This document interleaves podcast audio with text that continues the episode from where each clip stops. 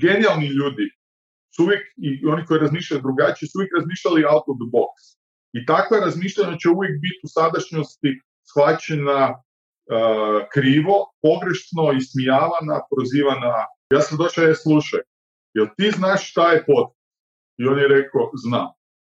Ok, ima jedan lik Joe Rogan. On je rekao, ok, ja sam najveći fan Joe Rogan. Ja je rekao, nemoj zezat. Ok, ono smo sve dogovorili. Ja bi ti radio pot? Bi ništa, sjeli ste, upoznali, uh, upoznao sam ga sa ostatkom ekipe i tu je to krenulo. Prvih, sam je bilo na početku teško, moram ti priznati, je, je da li sam planirao odustaje? Pa u biti ne, nikad mi to nije bilo u glavi. U nekim trenucima sam možda posumnjao da ćemo napraviti neki komercijalan uspjeh, mislio sam možda će to ostati na nekoj razini, ajmo reći, nekog hobija plus, odnosno hobija koji ti...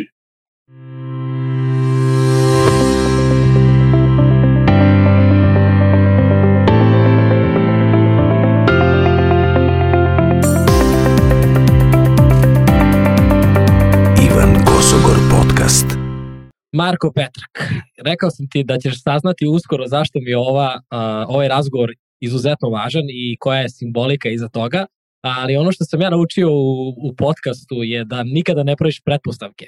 Međutim, ja sad pretpostavljam da cela Balkan podcast zajednica zna za tebe i da im ne treba, ne treba nikakva nikakva dodatna reč, prosto ste od 2016.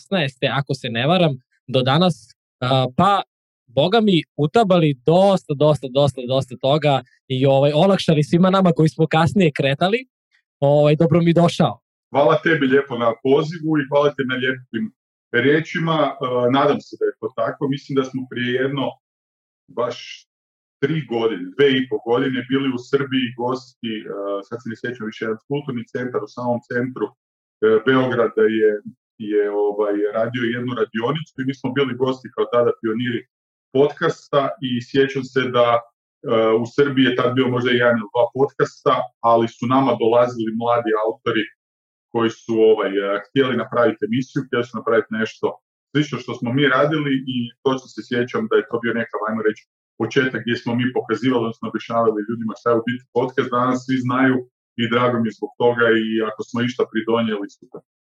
Pre nego što krenemo da, sa, sa celom pričom kako ste ošte pokrenuli podcast, pošto me bukvalno sve zanima, hoću ti ispričam tu priču koju smatram da ti dugujem ovaj, sve vreme ti pričam zapravo, čućeš, čućeš, ovaj, ali hoću da im taj osmeh, naš, dire, uživo, kako god sad ovo nazvali online. ovo je stota epizoda u kojoj, koju ti i ja sada snimamo. Pre, dakle, sto epizoda sam sedeo na, u parku ovdje u mom gradu sa, sa drugarom, sa Matketom i on mi priča i kaže, slušaj, postoji podcast, inkubator, vode ga momci, hajde da pogledaš ovo, pa mi gledamo jednu epizodu, pa gledamo drugu, pa e, tu razmišljamo kako bismo, šta je ono, kako mi da pokrenemo celu tu priču. I zapravo podcast Inkubator je bio e, velika doza inspiracije. Onda sam ja gledao, pa prelistavam e, kako postavljaš neka pitanja, pa gdje uvedeš razgovor, pa me je zanimalo, ja znam da i ti dosta konzumiraš YouTube, tako da ovaj, sam bukvalno usvajao kroz podcast inkubator uh, tvoje trikove, fore, šta treba da kažeš, kad, kako da ne bude onako kao neki klasičan, običan intervju, već da to ima smisla i da bude razgovor, da si gost osjeća super, kako da budeš ti ti, odnosno ja ja u, u tom slučaju. Tako da pre 100 epizoda smo bukvalno onako sedeli i razmišljali eto kao neka ideja šta može da bude i, i danas, si, danas si ovde sa mnom što meni mnogo, mnogo znači. To je, to je još jedno dodatno hvala, eto nisi znao, ali ovaj, postoji ona izreka kada, kad radiš ovu vrstu posla da neko uvek priča o tebi. Tako da, eto to, to sam teo da podelim sa tobom da znaš. A pa ja mislim, gledaj, objektivno kad pogledaš, mislim da ehm, je kad nekog inspiriraš u životu, to je nešto najviše što možeš napraviti mislim, jedna od najboljih, najljepših stvari, a pogotovo ako se radi o usvajanju novih znanja. Ako prenosiš nekakva znanja na drugu osobu i ako utječeš, na, barem se nadam da je bilo pozitivno na pozitivan način, mislim da je to stvarno lijepo osjećaj. Evo, tebi isto hvala na, ovim riječima. Kažem opet, ako smo koga inspirirali, da bilo šta napravi da pokrene, svaka čast, odnosno mi smo jako zadovoljni i sretni i to je bio u biti E, i dio misije podcast inkubatora, da se razumijemo. Mislim, nama ideja nije bila samo, mi nismo u početku ni znali da ćemo moći živjeti od toga, ni, ni razmišljali o tome kao o jedinoj profesiji, e, tako da nam je bilo, ajmo reći, e, neka ideja mijenjati medijsku sliku i Hrvatske i regije nabolje. Pa ako smo uspjeli u tome, hvala ti još jednom. Ma kako ne, ajde, ajde reci mi tvoje brojeve, odnosno vaše brojeve sada što se tiče podcast inkubatora. Pa to je kao za, za jedno ovako malo mesto, da kažem Balkan, to su stvarno brojevi fantastični. Pa gledaj, e, ja bih to mislio i onda pogledam novi e, spot od Kube e, Korelija ili od sličnih tipova i onda vidimo ono u tri dana imaju 15 miliona ili nekakve, ono, ok, neke druge stvari koje, koje smatram puno manje kvalitetnim, tako da, ajmo reći, rekao bih da, da smo malo manje kvalitetni, više komercijalni, mislim da bi imali još veće brojke. Nekako teže i kvalitetnije teme za koje je potrebno uključiti malo više mozga, malo nešto pratiti, e, mislim da, da, teže prolaze općenito, a i pogotovo na, Balkanu. Što se tiče samih brojki, krenuli smo prije otprilike četiri godine, mislim da je četiri godine da smo slavili treći ili četiri, mislim da je četiri, da e, imamo tipa 190.000 tisuća pretplatnika, nekih, pa recimo 5 do 7 miliona pregleda mjesečno i nekih, ako gledamo one, to, je, uvijek je uvijek oglašivačima najzanimljivije, ako gledaš jedinstvene preglede, odnosno jedinstvene korisnike koji su gledali kanal, to je brojka negdje oko 7 miliona ljudi. Što je stvarno ok, kažem, ponosni smo na to jer se radi o sadržaju koji nekad zna biti lagan, kad dođu, ne znam, Tiniša Vuce ili, ili recimo sad smo imali nedavno Zdravka Mamića, to će svi pogledat naravno jer se radi o nečemu što, što je opće poznato i, i, i, i, i reći, e, ekskluzivno, ali imamo mi teže zahtjevnijeg sadržaja, e, dovodimo kvalitetne goste, e, otvaramo neke teme koje, mislim kvalitetne, kažem da ovi nisu bili kvalitetni, kažem da su malo, ajmo reći, zahtjevni i znanstvenike i glazbenike i putopisce i otvaramo neke teme koje nisu Eh, onako light, eh, za koje treba stvarno i na čuli tuši i malo promisliti zato smo ponosni na, na, na, na te brojke. Negdje ispucamo mjesečno dvadesetak epizoda, ima nas četiri autora, znači od Ratka i mene koji smo osnivači, Loz the Boss, Ivan koji radi nogometni podcast, sad imamo novu kolegicu Ivonu Kemen koja je uh, eh, fakat unijela jedno osvježenje u našu ekipu i moram je pohvaliti, super je primljena od, od, YouTube je teška, teška stvar za radi, znaš i sam, nije jednostavno, uh, direktno si um, izložen i komentarima i kritikama i tuđe mišljenju koje nije nekad uh, nekad ti ne paše, zapravo ti većinu vremena ne paše, ima puno i trollinga i trolova i slično, tako da u konačnici mislim, mislim da Ivona jako dobro prihvaća. Ja, to su prilike te, te, e, te brojke na kraju, pa sam već ogledao, mislim, imamo 152 miliona pregleda ukupno. tim da e, neke ljudi znaju da smo prvih možda godinu i pol dana nismo imali više od milion pregleda, milion do dva, to sam se sjećam da je išlo jako, jako sporo. Znam smo tipa nakon godinu dana imali 2000 pretplatnika. Tako da je to u jednom samo trenutku e, eksplodiralo, odnosno nije baš u jednom trenutku, ali u nekoliko stupnjeva eksplodiralo i prema gore, a i nekako cijela scena na Balkanu se oformila i ne samo podcasterska, nego i youtuberska, mislim da se ljudi prebacili e, na mrežu, na digitaliju i to u velikom broju, pogotovo zadnjih par godina i pogotovo u zadnjih recimo godinu i pol dana od kad je korone pa su morali biti doma. To su neke stvari koje su onako ružno je reći, ali korone nam išla na ruku. Evo, to je kratko o brojevima, stvarno smo ponosni na, njim, na njih, jer ja se sjećam Siniši svom partneru, režiseru i, i, i ovaj, e, šta, on, nije samo režiser, mislim, on je scenograf i producent, sve. Sjećam se kad smo pokretali emisiju, računali smo da bi neki plafon bio otprilike 10.000 pretplatnika, da nam je to ono, kad dođemo do 10.000 da smo napravili emisiju, jer bilo nam je nestvarno, kažem, prve epizode su bile po 200 pregleda, 150 pregleda. Onda misliš, isto, skupimo 10.000, pretplatnika gdje će nam biti kraj. Tako da u biti ovo, i nama dosta nesta. Da, da, ali pazi, e, kada ste kretali, verujem da nisi mogao da zamisliš da će se samo vratiti na tu priču da, da će dva lika iz Obrenovca e, gledati to i razmišljati, ej, znaš, možemo da pokrenemo ovu priču, vidiš, ovi momci su, ovi momci su napravili super stvar. Ali samo da te vratim na onaj početak kada si rekao za e, podcast stvarno nije lako konzumirati i nije nešto što tek tako slušaš, pogotovo kada su neke ozbiljne teme koje koje te lično interesuju. Mislim, svakako nećeš pustiti neku temu koja te, koja te ne zanima, samim tim ako hoćeš da se udubiš, stvarno možeš da dobiješ mnoštvo dobrih informacija. I mislim da je zbog toga potreban taj duži period za rast, ali da kažemo opet s druge strane sve što se brzo napravi, brzo i pada, a samim tim što nešto zahteva kvalitet, znači da mu je potrebno, da mu je potrebno i dosta vremena. Znaš, meni to, to od starta kada sam i krenuo da radim podcast bilo kao neću uopšte da gledam gledam brojeve, jer su mizerni, šta god da pogledam, su mizerni u odnosu na e, Ameriku, u odnosu na, na bilo koga u tom trenutku na, na Balkanu i kod nas, ali prosto, znaš, mislim, ideš i radiš. Šta je bila vaša ideja?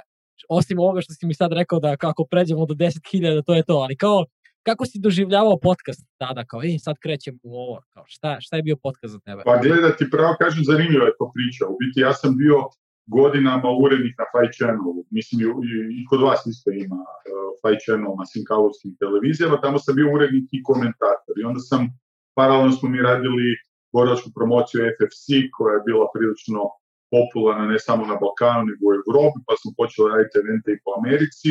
I to je sad već trajalo sedam godina. E, imao sam dobru poziciju, ajmo reći, imao sam e, dobra primanja, rekli bi neki bi se ljudi drugi ubili za, za taj novac i za te uvjete rada i jednostavno sam nekoliko puta proputovao svijet, vidio sve i svašta, imao puno iskustva na, na, na najvećim priredbama. Mi smo u Zagrebu organizirali i k Grand Prix, i Glory, i UFC, um, i Final Fight s Rock tako da stvarno sam tamo na tom poslu jako puno toga doživio i naučio. Uh, I onda nekako i kod mene je došlo već malo do, zasičenja zasićenja od tog posla, da mislim da, da čovjek svaki par godina treba mijenjati profesiju, možda ne onako iz temelja, ali mislim, da je dobro za svaki, da se malo trgne svaki par godina, jer izgubiš motivaciju, izgubiš uopće, zaboraviš zašto to radiš. Mislim da čovjek ako ne uživa u poslu i ako ne radi ono što voli, mislim to je privilegija malih, naravno, odnosno malobrojnih,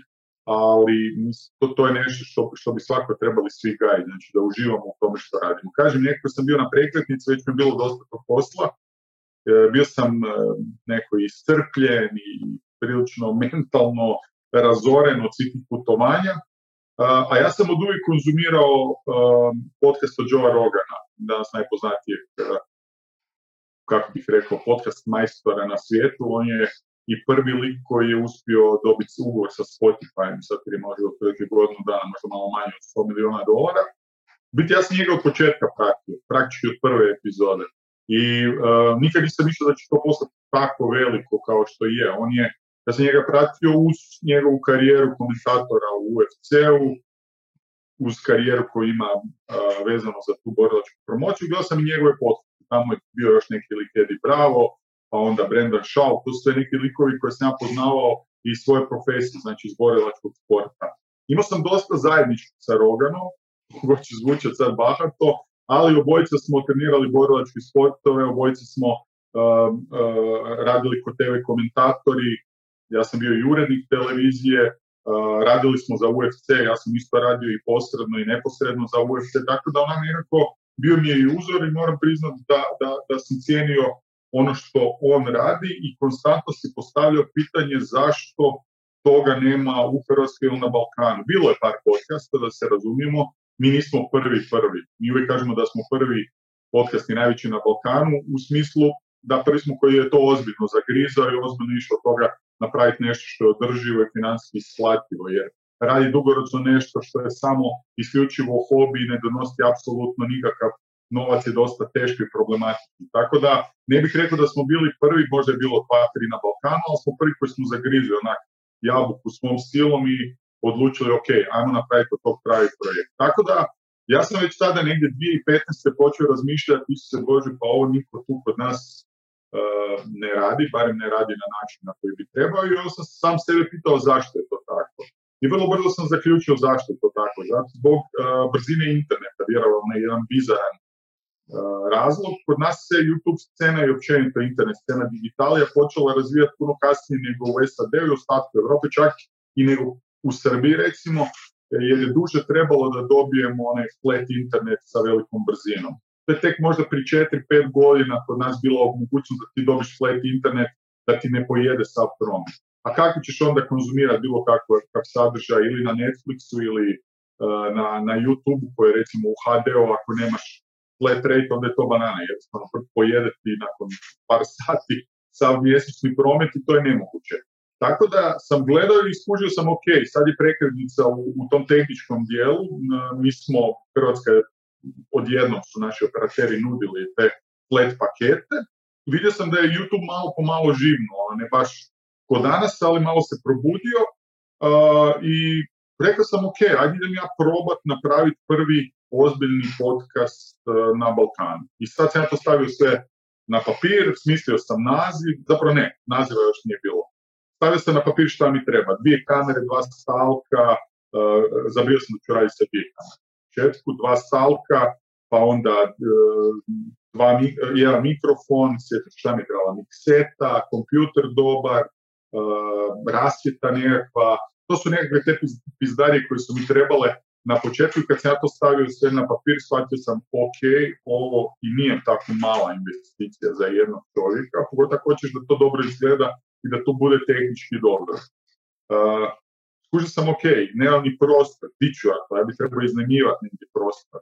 Pa onda žicat nekog da mi to snima, žicat nekog da mi to realizira, da mi odnosno izmontira i onda pusti negdje vani. Shvatio sam da je to jako puno posla, za jednog čovjeka da je teško biti stvarno onako usamljeni jahač u, u svijetu podcasta, barem u tom trenutku. Sjetio sam se par kolega koji, kojima sam bio kojima sam, koje sam poznao, tada Ratka ide u s indeksa, ona je dan danas urednica na indeks Um, s Deom sam radio, s Ratkom sam isto nešto poređivo i nazvao sam njih dvoje pitao sam, ok, ekipa, jeste vi za to, možda prvo je znati šta je podcast, no se rekao, ok, Ratko, je pogotovo, Ratko čak imao neki audio podcast, pokušavao raditi, a da je rekla, znam što je to. Da uh, ja sam pitao, bi možda vi se udružili samo, ajmo zajedno neka tal i onda ćemo probati iskurati to zajedno i podijeliti to što. I stvarno oni jesu bili za to od prve, našli smo se na kavi i dogovorili, ok, idemo u taj mega projekt. Ali opet, kad staviš to sve na papir, pa treba ići kupiti kameru, pa sad neko treba dati par tišća kuna ili eura ili bilo čega druga, to se opet počelo razvlačiti, ništa od toga dok ja na kraju nisam upoznao Sinišu Pašića, koji je danas, ajmo reći, što se tiče tehnike i, i produkcije Alfa i Omega podcast inkubatora, ja sam mu se javio, u biti, on se meni javio zbog neke druge priče, i ja sam rekao je Sinke kao da je otišao sa samo, imam neku poslovnu ideju, bi otišao sa mnom na kavu, sjeli smo, sjećam se, po danas te bivšije u, u radničkoj smo sjeli, i doslovce Ivane za tri pol minute dogovorili se. Jednostavno smo prve kliknuli, ja sam došao, je slušaj, jel ti znaš šta je pot? I on je rekao, znam. Ok, ima jedan lik Joe Rogan. On je rekao, ok, ja sam najveći fan Joe Rogan. Ja je rekao, nemoj se, Ok, ono smo sve dogovorili. jel bi ti radio pot? Bi. Ništa, sjeli ste upoznali, uh, upoznao sam ga sa ostatkom ekipe i tu je to krenulo. Prvih Stvarno je bilo na početku teško, moram ti priznati, jer, jer, jer prvo nisi mogao dobiti bilo kakvog, neću kvalitetnih gosta, to bi bilo ne fair prema onima koji su bili. Da pa će neki od tih ranijih gosti bili možda kvalitetni nego danas, ali doći do većih imena, do, do, ljudi koji će uzvorkati javnost, koji će skupiti malo više pregleda i imate te možda gurnu, biti ko neko na daska za dalje.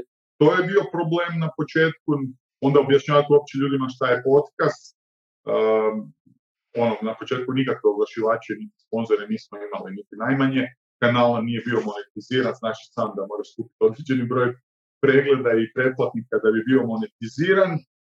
I, I šta je još bio problem odmah na startu? Da, meni je osobno bio kao voditelju problem objasniti ljudima da ako ja malo više pričam, znači da ne postavim samo isključivo pitanja, da nisam nepristojan, nisam seljačina i da je to u biti osnova te forme. To da voditelj, odnosno podcaster, sudjeluje u razgovoru. Kao što si ti na početku dao svoj uvod, pa ću ja sad nešto reći, pa ćeš ti sad nastaviti. Nije pitanje odgovor, pitanje odgovor. I ljudi su kod nas iskreno govoreći to teško prihvaćali. Sjećam se dosta kritika u startu, bila je većina komentara dolje, dobro daj šuti, kog briga za tvoje mišljenje, pusti gostu da priča seljačino, kakav si ti voditelj, pričaš više od gosta. No sam shvatio, ok, ovaj tip uopće nikad nije podcast. I oni misle da je to online intervju. Evo, to su Ivane neke e, početne e, dječje bolesti koje smo imali, ali brzo smo mi to nekako uhvatili i već, kažem, za godinu dana imali solidan broj pretplatnika i pregleda e, i to je to. Čekaj, kaži mi samo još jednu stvar. Ti si radio i dalje kada si imao podcast svoj, da si dalje bio u Index R, ja mislim da sam tako pročitao dobro.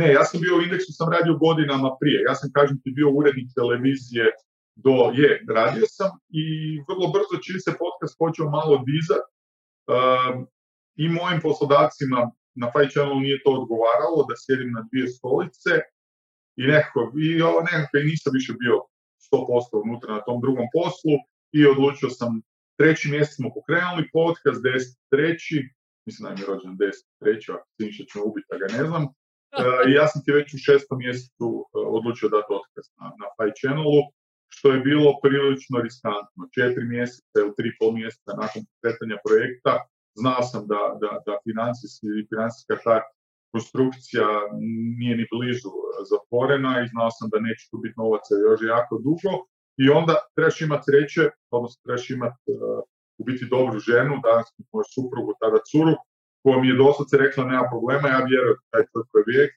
vjerujem u tebe, i evo, pune vam se ljudi, dala mi je karticu onu svoju i gore je bilo tipa mjesečno 200 eura što sam trošio za, za ono da bi imao za kavu i tako je bilo jednu godinu dana nakon što sam potrošio naravno svu ušteđevinu jer sam imao i kredit i nisam se micao, doslovce sam samo ono radio, radio, radio dok nismo monetizirali da, da možemo neku prvu paru zaraditi od toga jer sam ono dao all in, sve karte sam gurnuo unutra. Ovi druge kolege nisu, Simiša je nastavio raditi dalje, svoje ostale projekte, Ratko isto, da je nastavila rad na Index HR, onda se vratila konačno na Index HR, a ja sam jednostavno odlučio posvetiti se, odnosno ići all in u podcast.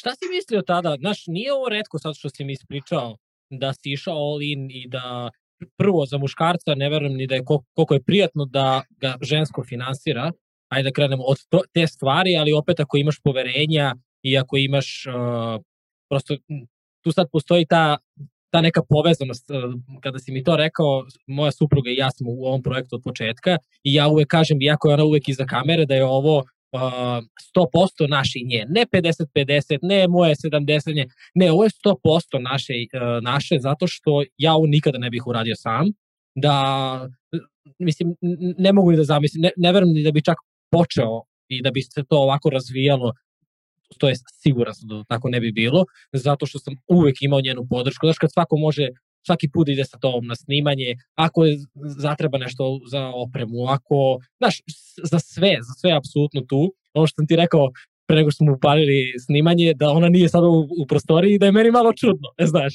Ali, ali ove, ovaj, zato sam se navikao, prosto ako treba neki požar da se ugasi, ona je tu, znaš. Tako da, nije jednostavno ući u celu tu priču. Šta si, šta si ti mislio? Sve si uložio, verovatno ti je gomila ljudi rekla, Marko, brate, šta radiš od svog života, u kom pracu ideš, treba da osnoviš porodicu, ti daješ otkaz, šta god su ti pričali, da ne nagađa, možeš i ti da mi kažeš, ali kao šta si, mene zanima šta si ti razmišljao, jer danas, mislim, ajde to bi reći prvo, pa zato što imam sad 500 pitanja za tebe, da znaš e, ne nigde. Mislim da ljudi koji, ajmo reći, neću sebe nazivati velikim ljudima, ali ljudi koji promišljaju malo, uh, malo jače i malo više o nekim stvarima, razmišljaju uvijek korak od dva unaprijed. Znaš, ako ćeš ti sad slijediti trendove u bilo čemu, onda nećeš biti ovaj, trend maker. A mislim da su oni ljudi u svijetu koji eh, stvaraju trendove, stvaraju neke nove priče, stvaraju neke nove projekte, uvijek moraju razmišljati malo out of the box. Tako da to je bilo u tom trenutku riskantno, ali u biti u mojoj glavi nije tu bilo nekog prevelikog rizika jer ako pogledaš medijsku scenu i općenito trendove eh, kako idu eh, kada govorimo o, Americi, Europi i onda Hrvatskoj, odnosno Balkanu, Amerika je nekih deset godina ispred nas, onda ide Evropa i onda ide u Hrvatska, ovaj ili Balkan, Srbija malo ispred nas, kao što sam rekao, bila radi neke tehničke razvijenosti i brzine interneta. Tako da je u mojoj glavi bilo je samo pitanje vremena kada će podcast stići i da li ću ja u biti uh, iskoristiti priliku kad on stigne, odnosno kad taj hype pomama stigne. Jer kao što smo gledali prema Americi i smijali se, a gle tamo Netflix, nešto gledaju na internetu, pa gleda imaju videoteku, kakva glupost. Danas nitko ne gleda televiziju, linearno svi gledaju Netflix ili YouTube, ili tako. Pa sad kad je došao Deezer ili Spotify, ista stvar, joj, ko će slušati glazbu preko tih nekih servisa, glupost, skinem MP3, pa onda služiš, pa možda mi se više isplati, plati neku pretplatu, pa slušati šta god hoćeš. I onda nakon nekog vremena shvatiš da jednostavno mi slijedimo trendove, općenito kad govorimo o tim nekakvim tehnološkim i medijskim rješenjima. Tako da sam ja prilično bio siguran da će to doći vrijeme. Samo nisam bio siguran da kad dođe da ću ja biti tom u poziciji još uvijek to raditi. Znaš, mogli smo izgoriti ranije nego što taj trend dođe, odustati od toga svega. Znaš, bilo je puno podcasta nakon nas koji su krenuli u Hrvatskoj, koji su bili prilično dobri, negdje par mjeseci su krenuli nakon nas, i onda su jednostavno nakon godinu dana odustali. To se redovito događa. Zato sam ti rekao ono ranije, mislim da, da, da ili ti mora biti užasno velik gušć u tom vidiš praktički smisao života, ili mora biti financijski lukrativno neko isplativo, tako da možeš od toga ili živjeti ili ima dodati neki prihod, bar da ti isplatio, bar da ne krcaš lovu u nekakvu ruku. Mislim da je to bitno za, za volju i za nastavak bilo kojeg projekta. Tako da to mi je bilo u glavi u tom startu. Mislio sam, gledaj, realno podcasti će stići. A sada pitanje će li tom biti dovoljno kvalitetan i dovoljno ustran. Ustran. Pokazalo se na kraju da smo bili. A jesi, jesi imao neki trenutak gdje si rekao, jo, ono da si razmišljao da li da odustanem, da li, da li ima smisla, je li bila ta neka prekretnica tog tipa? S obzirom da je taj period trajao godinu dana, ono što Godinu i po, da. Mhm. E, pa gledaj, e, bila je stvar u tome da sam ja, ja, ja dosta sustavno razmišljam i, i cjelovito. Tako da ja kad sam stavio na papir e, koliko otprilike će mi trebati da monetiziram podcast, ja sam se odmah aktivirao i na drugim poljima. Nisam samo radio, znači ja sam dao otkaz, ali sam paralelno počeo raditi ponovno kao vanjski suradnik na RTL-u, kao prenosio mečeve. Pa sam se javio na Fight Channel, sam bio urednik do tada, glavni je mogu prenositi honorarno mečeve, treba mi novac, ono su rekli da mož, mogu. Pa sam onda počeo pisati ponovno za Fight Site, sam bio i suvlasnik portala pa sam onda nakon godinu dana prodao taj portal u jednoj velikoj grupaciji, bio sam manji e, vlasnik 25%. Tako da sam ja napravio neku financijsku šemu i zabrio sam kako bi to moglo funkcionirati u mojoj glavi.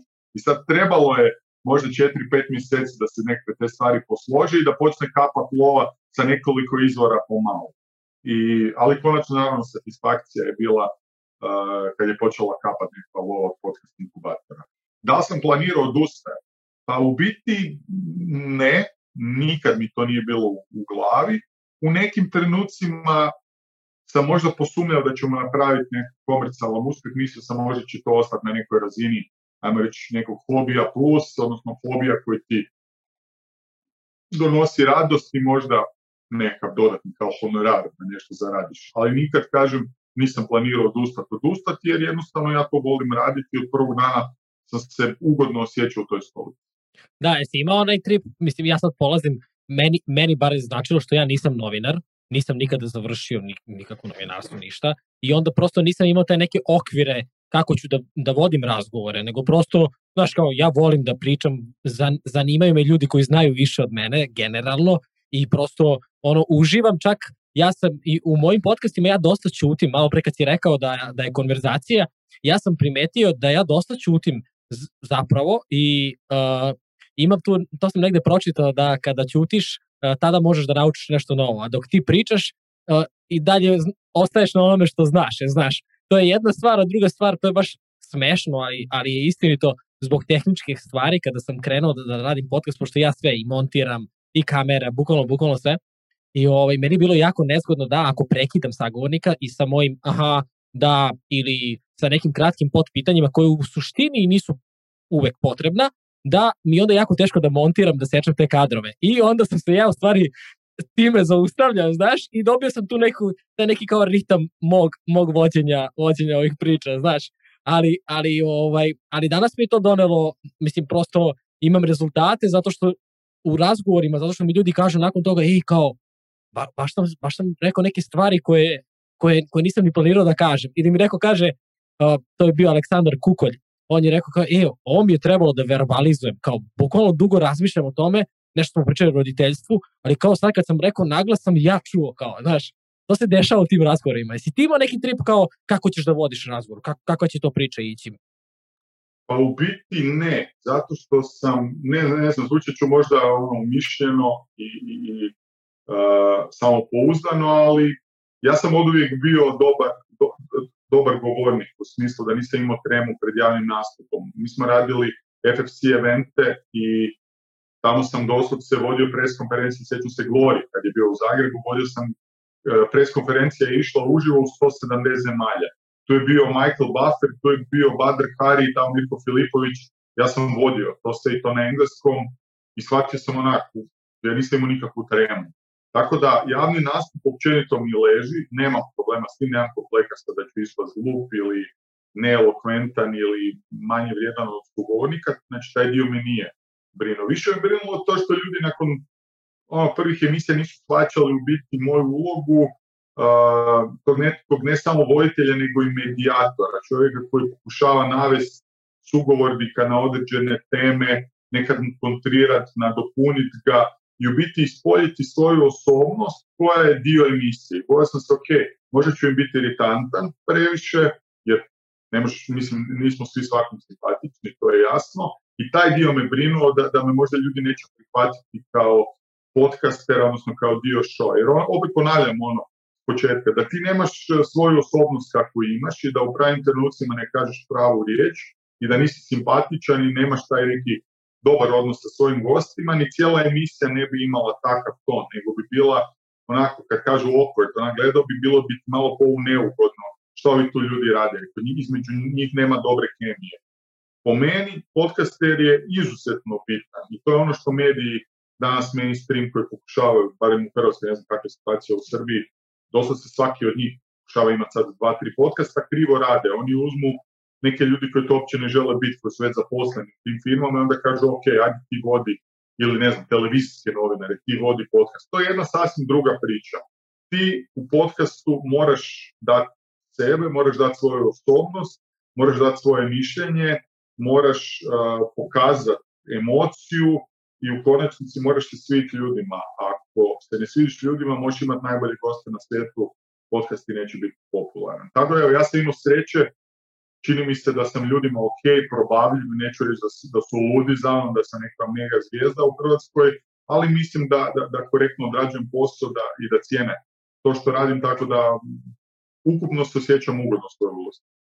Da, da, i mislim, ja, ja najviše volim to kad, kada se završi cela priča i uvijek pitam je kako ti je bilo i tako dalje i to je, to je taj feedback koji uvijek dobijem, kao bilo mi jako prijetno, ali, ali slažem se s tobom da, da meni nije zanimljiv sagovornik i da ja imam neku odbojnost i prema temi čak, da bi taj razgovor stvarno bio neukusan za gledanje. Prosto bi ljudima bilo kao šta se ovo dešava. I to je, ja mislim, taj stepenik koji mi u podcastu možemo da uradimo, a na, na tradicionalnim medijima je to jako teško, zato što ti na tradicionalnim medijima serviraju i kažu ti je u petak imaš što tim i tim, a ti zapravo radiš i istraživanje pre nego što sa nekim pričaš i generalno si zainteresovan i za tu osobu i za to što ima da kaže i za to što radi, što ti daje ono meni je kao, ja ne osjećam ovo kao neki posao, znaš, jer prosto, mislim, uh, kad bih ja došao do sto do sto ljudi koji bi mi poklonili sat, sat i po vremena i pričali sa mnom o nekim temama, tek tako.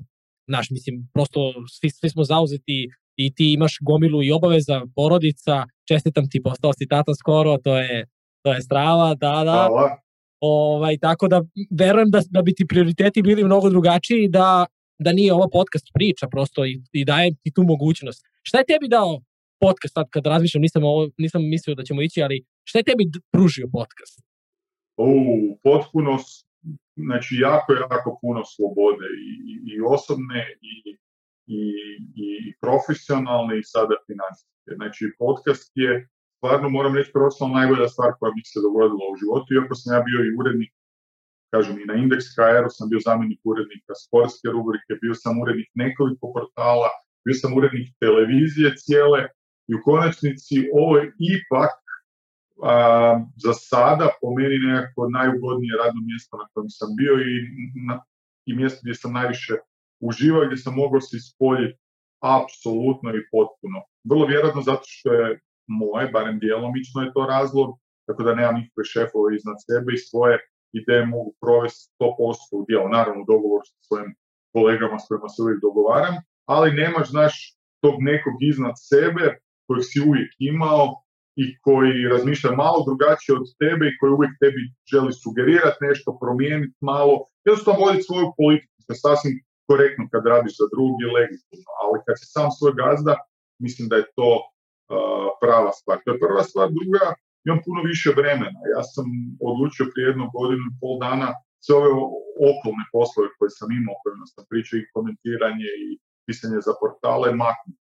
Jednostavno, ovaj, financijski je dovoljno mi novca ovo što zaradimo podcast, a shvatio sam da u životu ima puno većih i vrijednih stvari od novca, a to je prije svega vrijeme, vrijeme s svojim bližnjima, vrijeme u prirodi, tako da u zadnjih godinu pol dana stvarno uživam jer ok, ima tu puno posla oko podcasta, imamo i hrpu sponzora, ja se bavim i marketingom prodajom i administracijom, imam i svaki tjedan emisiju ili dvije, ali unatoč tome svemu uspijem dnevno naći dovoljno vremena i za obitelj, i za odmaranje, i za ribolov, i za bilo šta drugo. Tako da Dalo mi je slobodu kad govorimo o vremenski, financijski, ne ovisimo nikome drugome.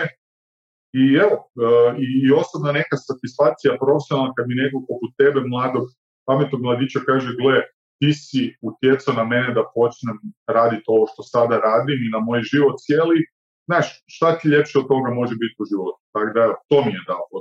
Da, da, da, da, ali to je stvarno, to je, to je stvarno tako i meni je ono, to ono što ti rekao, kao i kad smo se čuli, kao čujem tvoj sad glas ovako, znaš, kao, jer ja se uvijek prebacujem, ja volim te vremenske kao igre, znaš, ja se prebacim kad je to nešto bilo ideja i sad kao to je, to je realnost i onda vidiš da zapravo kao moguće, nije ono kliše kad ti neko kaže možeš sve da uradiš, ali taj put ne ide ovako, taj put seckam. Rekao si mi malo pre da je samo prvo si rekao odjednom, onda si mi rekao da je u nekim etapama skakao prosto podcast i dolazili su rezultati. Šta misliš da je bila glavna prekretnica? Ono, u smislu kao, šta, šta je bilo otkočno, otkočno kod tebe? Ne bi vjerovo, uh, ali najiskrenije.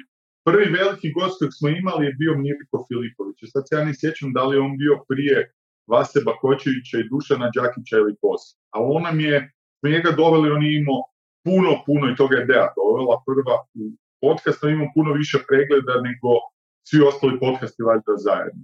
E, ali sad ne znam, ne, mogu ovako u na taj timeline da li je to bilo prije ili poslije, Vase i Đakića, ali sjećam se prvi put kad smo doveli inozemnog gosta, mislim, možemo tako reći, jebi ga s područja Balkana, znači iz, iz Srbije, odnosno Crne Gore, e, najprije je došao Đakić, koliko se sjećam, onda par mjeseci poslije vas ili obrnuto. I tu smo mi prvo naša publika se zainteresirala da smo doveli nekog iz Srbije ili iz Crne Gore, a drugo jako puno gledatelja iz Srbije i Crne Gore i ostalih zemalja iz regije se priključilo eh, jer je bilo zanimljivo kako neki borac od tamo gostuje kod nas, pogotovo su to borci, pa ona gleda ove čeke goste u Hrvatskoj, šta se tu događa. Oni nisu shvatili, odnosno većina ljudi nije znala da smo mislili na Balkanu što se boračke zajednice tiče u odličnim odnosima, što rađemo već godinama i kroz FFC i druge projekte. E, I onda je nam je kliknula lampica, odnosno palila se lampica negdje u glavi, ok, na početku moramo malo više forsirati regionalne stvari da bi dobili taj početni zamah. Tako da ajmo reći da je, da, da je taj neki regionalni um, uh, element koji smo uveli da smo dovodili gosti iz svih zemalja bivše Jugoslavije bila prva odskočna daska. Naravno Mirko, Đakić i Vaso definitivno kraljevi, njima smo zahvalni jer su nas nekako šimnuli u orbitu. I onda kad smo mi shvatili formulu, ok, to je formula, regionalne teme, borci, ovakvi, onakvi, e, onda smo već tu bolje baratali materijom i dovodili goste i, i onako e, rasli, ajmo reći, od tada već eksponencijalno čak.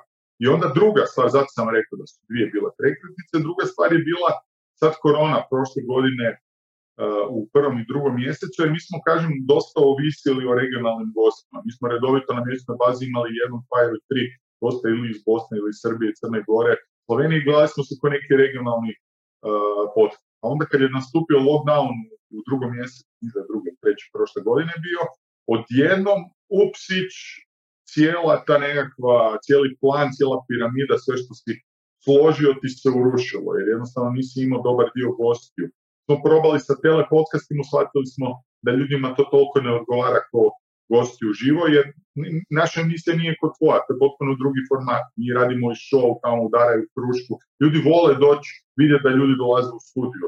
Znači, to nema veze sa, sa, sa tim da je to bolje nego telepod. Nego, kažem, u našem slučaju smo shvatili da ljudi više vole da se već naviknuli na studiju. E, i sad smo onda trebali reagirati, šta ćemo sada? jer smo dobar dio publike imali, kažem, zemalja više Jugoslavije. Tako da ništa, u tom trećem mjesecu smo stisnuli još jače, napravili smo tipa 23-4 podcasta taj mjesec i shvatili, ok, sad moramo ići forsirati našu domaću publiku. I probali smo dovesti, unatoč tome što je bio lockdown, što ste svi bojali, što veće zvijezde i što veće, što jače goste, veća imena u tom trećem i četvrtom mjesecu i i to je bio, ajmo reći, velika eksplozija. Ljudi su morali ostati kod kuće, televizije se nisu snašle tako brzo, jer kod njih ima, mislim, oni su imali puno birokracije i žešći su i teži protokoli, mislim, ti da bi doveo neko na televiziju u tom trenutku, svi su se bojali, imali one maske, praktički su hodali po televizionim odjelima, mi smo neko opuštenije to, pa daj dođi, pa ovo, pa ono, i ljudi su se odazivali. Držali bi neku distancu, i shvatili smo, ok, ovo je naša velika prilika. Ljudi su doma, još je relativno hladno, imaju interneta napretek i ako se sjećaš, tad je Netflix napravio najveći mogući skok u povijesti i mi isto. Mi smo praktički od regionalne publike se prebacili skoro na, 80-90% na Hrvatsku i dobili ogroman broj pretplatnika novih. I ono što nas se sad veselimo je kad lockdown prekine, odnosno kad se završi, nadamo se da i kad se stvari normaliziraju, veselimo se povratku regionalnih e, imena u naš studio i onda odmah nam se vrati taj dio publike koji u biti je još tu, ali ne gleda toliko jer ipak su samo Hrvatski sad gosti u zadnjem vrijeme. Eto, Da, da, pa dobro, ali to je ono osveženje, imali ste jedan ritam, pa nova etapa, pa sad ponovo kad se vratiš može da bude može da bude cool, zato što korisno i interesantno sa različitim ljudima i privlačiti. ima smisla, ima smisla. Kad kažeš e, mali, e, da ste imali više pregleda kada su došli Vasoje, koji su tu bili razlike u pregledu, na, na primjer, do tada, pa onda vas, Vasini pregled, na primjer? Pa znam da smo do tada imali šta, znam, možda smo imali Puh. Znači, to je bilo nakon godinu i nešto dana. Možda smo imali 9-10 tisuća pretplatnika, tu negdje ispod 10, i po podcastu od 700 pregleda do 3-4 tisuće, to bi bio ono, ne znam, ono, baš uspjeh. Ova govori na pamet. Kažem, iznimka je bio Mirko mislim da je on došao ranije kod ove dvojice. I onda kad je došao Vaso i Đakić, i onda su oni imali po tipa 20 tisuća, ono svaki, i onda smo počeli cijepat klipove iz tih podcasta i shvatili smo da neki od tih klipova, jer su postali viralni općenito, nije bila samo podcast publika, ne znam, Đakić je nešto govorio o ovom, ovo je ovom, i to je eksplodiralo. U jednom trenutku neki klip je došlo do 100 tisuća. mi čekaj, ovo moguće. Imamo klip koji ima 100 tisuća, mi nismo mislili slavili, ono, se vjerovati šta se događa. Tako da to su bile nekakve te prekretnice i te nekakve, eh, ti neki trenuci koji, koji u biti kasnije se eh, s radošću sjećaš jer su bitni za sam razvoj projekta. Kaži mi, molim te samo, taj, taj utisak tvoj kad si vidio prvi put tih sto hiljada pregleda. Šta, šta si mislio? Kao to je to, obrnuli smo igricu ili šta, šta je bilo pa fora? To, da, mislim sam šta se, to je ovo moguće. Mislim, ono, znaš, imaš neka očekivanja i to ide, ajmo reći, u skladu s tim očekivanjima, možda, malo loše i misli si, šta krivo radimo? Jer, jer mi smo dobivali od početka jako dobre kritike na naš sadržaj, da se razumijemo. Podcasti su bili ja ne vidim neku razliku veliku u sadržaju, kvalitetu sadržaja, recimo da govorimo o mojim podcastima, početka i sada. Da pa će, ako ti odiš i pogledaš neke emisije sa starta, pretpostavljam da će biti jednako zanimljive i dobre koji danas. Znači, ljudi su nas hvalili, govori su kako je ovo super zanimljivo, ali pogledi su onak išli. Znaš, ako dobar podcast napraviš 1500, 2000, onda bi ljudi rekli, pa dobro je to, pa 1500 ljudi ti to gleda. ja mislim, ok, pa nije loše, ali sam znao ako hoćemo napraviti nešto komercijalno iz toga, da, da, da bar možemo pokriti osnovne troškove. Pazi, mi smo od starta tim studio. Samo naš studio samo iznajmljivo je košta oko 1000 eura mjesečno, samo studio je.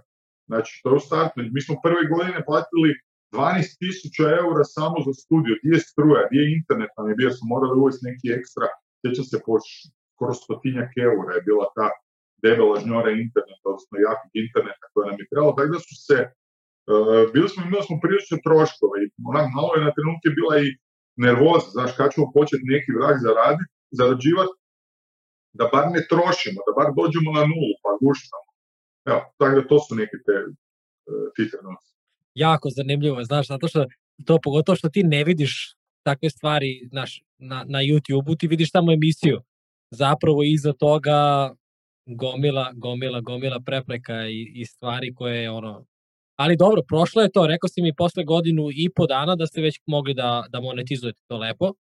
Yeah. Ma mislim ne baš lepo, kak ti kažeš. Mislim dan danas je monetizacija, govorimo o čistom YouTube-u, dosta sramotna. Uh, Ovdje kod nas jako sramotna, da, da, da, da. I kod nas isto, pazi, vi imate u vi ste imali čak dva ili tri puta veći CPM od nas i RPM, onaj cijene onih pojedinačno. Znaš, jer ovisi o tome kakva je ekonomska moć države prije svega, onda koliko ljudi u toj državi gleda YouTube i koliko je oglašivača spremno platiti oglas. I onda to ide taj proračun, ajmo reći, svih oglašivača, ide na jedan kup i onda se razdjeljuje po youtuberima, odnosno podcastima i svem ostalom sadržaju. Ja znam recimo da mi imamo ovakav broj pregleda i da su nam gledatelji, da, da smo recimo Njemci ili Amerikanci, zarađivali bi tipa 8, 9, 10, 20 puta više nego što jest. A, a opet i ovo je po meni u YouTube uzima puno previše sam sebi. Jer kad pogledaš raspodjelu, evo recimo uzmi jednostavnu matematiku. Mi smo prošli mjesec imali 7 miliona pregleda.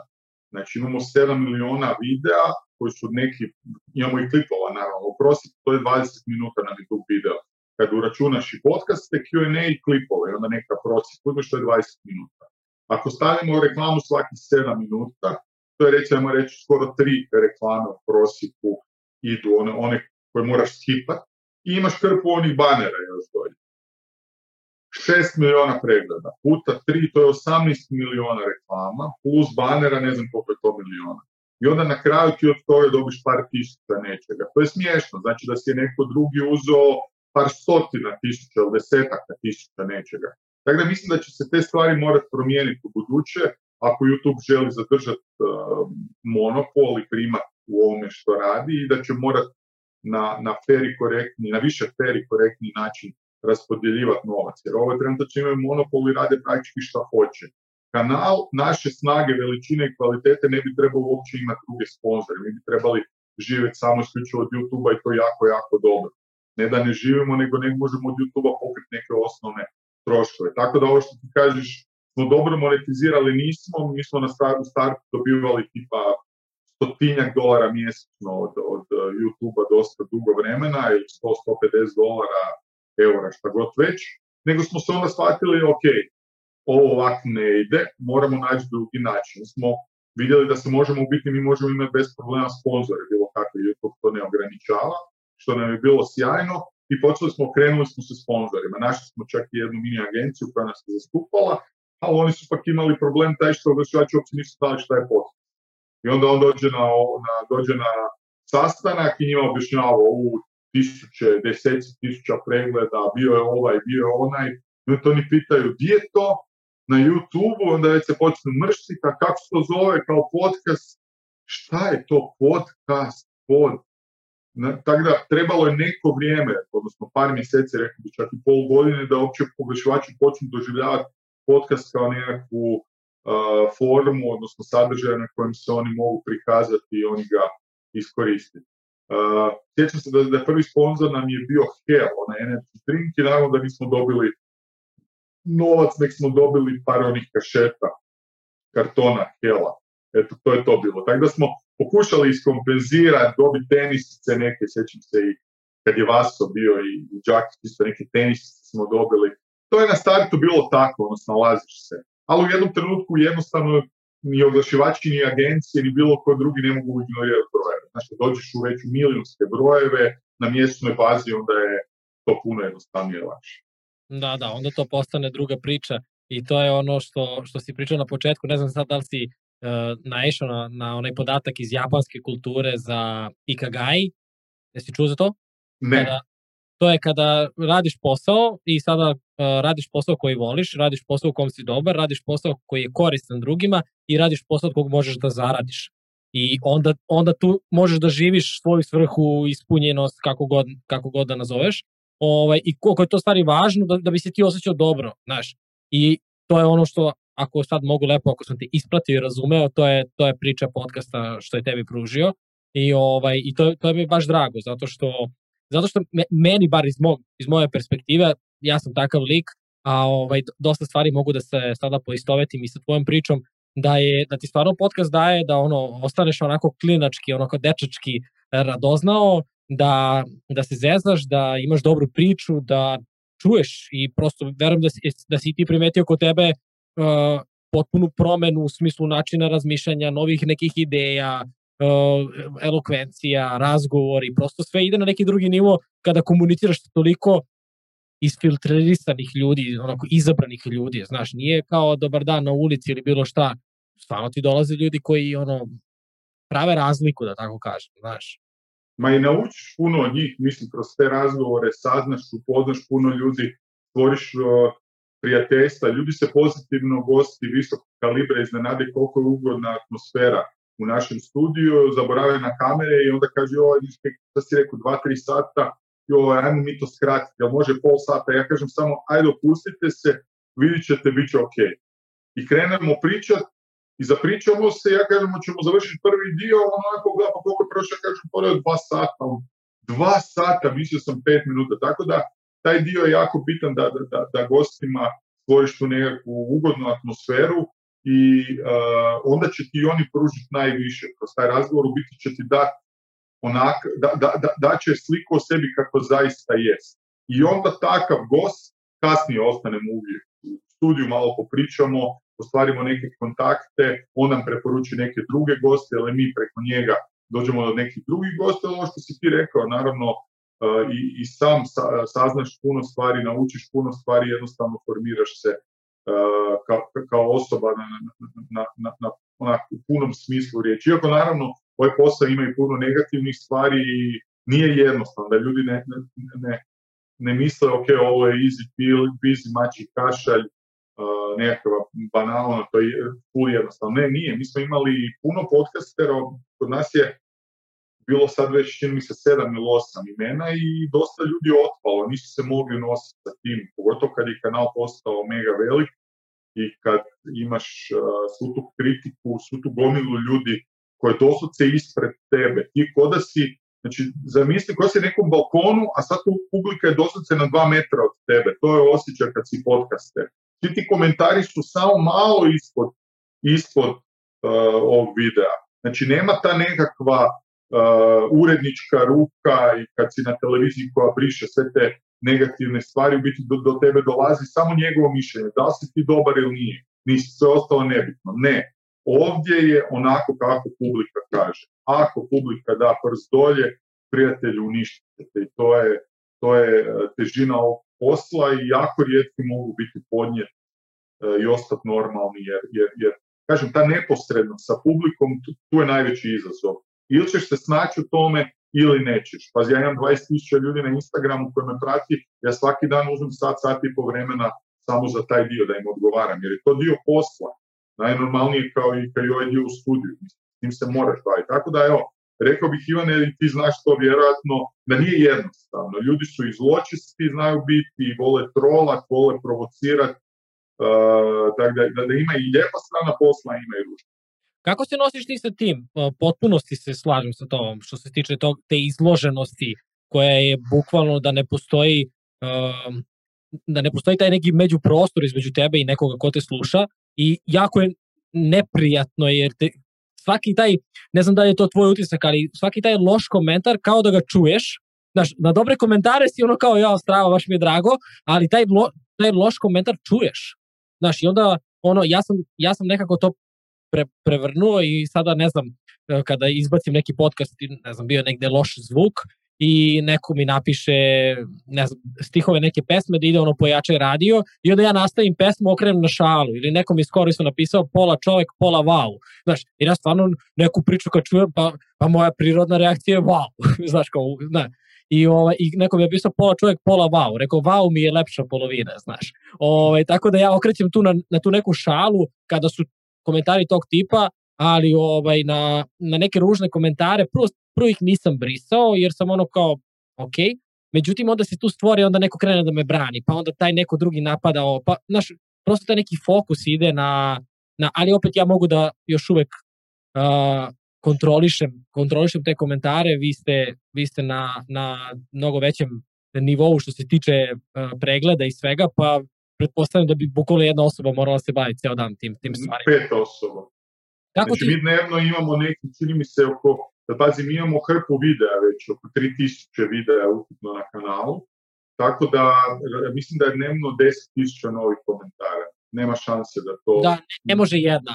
A ne kako može jedna, treba bi imati cijelu, cijelu vojsku ljudi koji, govorimo o svim videima, znači koji su ikad objavljeni. Naravno, nekima bude ni jedan komentar, a nekima bude sto. Tako da kad uzmiš neki prosjek, stvarno jako puno dnevno bude komentara i, nema šanse da se briše. Osim toga, mi smo od starta rekli da nećemo brisati komentare, osim kada nam se prijavi, imaju neki algoritmi i ljudi sami prijave kad se radi o nacionalnom vjerskom, um, znači o nacionalnom vjerskom mržnji, o, vrijeđanju na tim osnovama, to ne toleriramo. A sve ovo ostalo uključujući da pa će, baš vrijeđanje voditelja, e, znaju biti odvratne uvrede i grozne, ne brišemo od starta.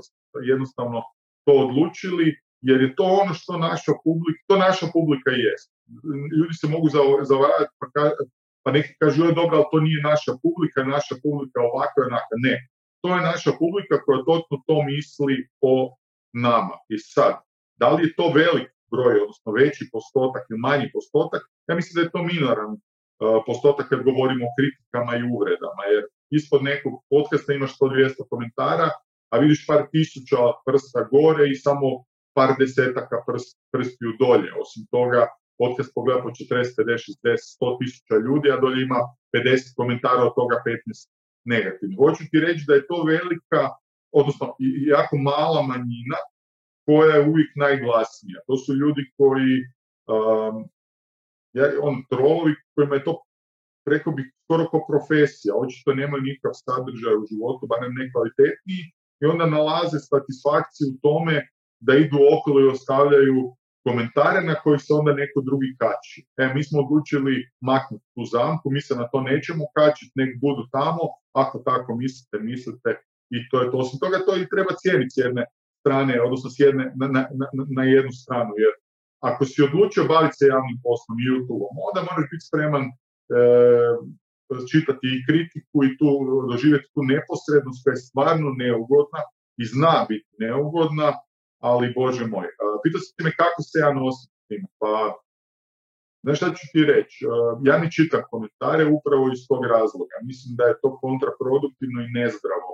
Tu i tamo mi ljudi šalju komentare, onda mi ja kažem, e, tu se žuciraš više, nego gledaj, gledaj kako tu seru po tebe ili te kritizira ili ovo ili ono, onda ja kažem, stani moj, ti se više žuciraš nego ja. Ja se uopće ne žucira dok mi ti to ne pošalješ. Uopće ne znam da to postoji. Uh, taj savjet sam čuo isto od Joe Rogana koji je sto puta svoje emisije rekao ne možeš, ako hoćeš ostati normalan, baviti se YouTube-om ili bilo kakvim takvim poslom, ne možeš čitati komentare. Kad ih hoćeš čitati, to je put u spiralu dolje i onda je to kaos. Jer ono što sam rekao, Ivane, uvijek će komentari uglavnom biti negativni zato što negativni i frustrirani ljudi komentiraju. Ljudi koji e, rijetko kada ispod naših podcasta imaš neke konstruktivne rasprave gdje neko iznese svoje mišljenje, pa mu neko kontrira, pa mu neko nešto objašnja. Ne, to su kretenarije poput Klempo, Debilu, kretenu, neke seksualne aluzije, onda nacionalne aluzije, zapravo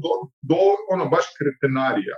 Zašto bi ja to čitao i upropaštavao si dan? Ima drugi način na kojem odnosno drugi e, putevi, drugi kanali kojima e, slušam razmišljanje, mišljenje svoje publike i uvažavam Znači, direktno mi mogu poslati poruku, imamo to je Patreon servis, imamo društvene mreže, ali ovo baš kad komentirao ispod ili u chatu, live chatu, to je baš ono dna. Nema ništa pametno tamo. Pa ne, ali i realno nikada ti neće, mislim, kakve si sve ljude upoznao i koliko uspešne, nikada ti, niko, nikada ti neko koji je uspešniji od tebe neće reći nešto loše. Znaš, to je isto jako zanimljivo. I malo pre si rekao da frustrirani ljudi uglavnom i komentarišu. Ja mislim da je to ono kao, znaš kad ne znaš kako da skreneš pažnju na sebe i onda, onda kreneš da gaziš jer misliš da je to način da, da te neko vidi.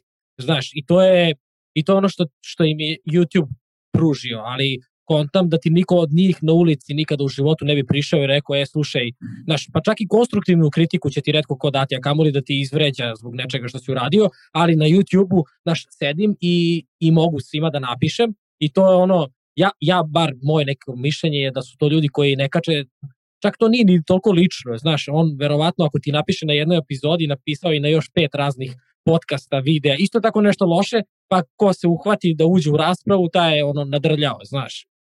to, je, to je neko moje, moje viđenje, ja se tu tako ono opravdam, ali ja još uvijek čitam komentare zato što ja hoću svima da odgovorim, znaš, ono, skontao sam koliko je to važno i koliko je ljudima koji komentarišu ono što radim i kad im odgovorim, onda kao hvala ti na odgovor, znaš, meni kao to minut da napišem hvala. Ali u jednom trenutku će ti to postati nemoguće. Sigurno. Jer kad, kad je stop milion posto kad narasteš i onda ćeš biti na toj jednoj prekretnici, odnosno u jednoj ne, Da li eh, da ja te komentare čitam, ne čitam, onda ako ih čitaš i povremeno brišeš ili odgovaraš, ne odgovaraš, onda na kraju trebaš zauzeti nekakav stav. Ja sam odlučio ne čitati, kažem ja ne da surađujem, nego svaki dan to mi je dio posla, odgovaram na pitanja, na pitanja molbe, kritike i pohvale ljudi na Instagramu. To je bio moj posla. Ali komentare E, ne čitam. Još, još sam ti nešto htio reći vezano, da, ovo što si rekao, totalno se slažem s tobom. E, ljudi kod nas, općenito na Balkanu, misle, obezvrijeđuju tuđi rad i uvijek misle da oni mogu nešto bolje od tebe. I to je nevjerojatno pali. Ja toliko puta dobijem, e, zakaj mi zoveš ovo, daj napravi ovo, zakaj si ovo, zakaj si ono stari moj, bar je danas jednostavno, možeš s mobitel, nas je toliko tehnologija napravila uh, iskorak prema naprijed da možeš uzeti mobitel i snimati podcast s mobitelom. Ako možeš bolje nego ja, pa slobodno. Osim toga ima toliko sadržaja na youtube na, ne samo na, na hrvatskom i srpskom youtube nego općenito na znaš, strani jezik, YouTube nema granica, jednostavno, to su beskuća uh, zanimljivog sadržaja. Pa preskoči samo, boj i odeš na neki drugi. Koji ti je problem? Zašto moraš mene kritizirati dolje?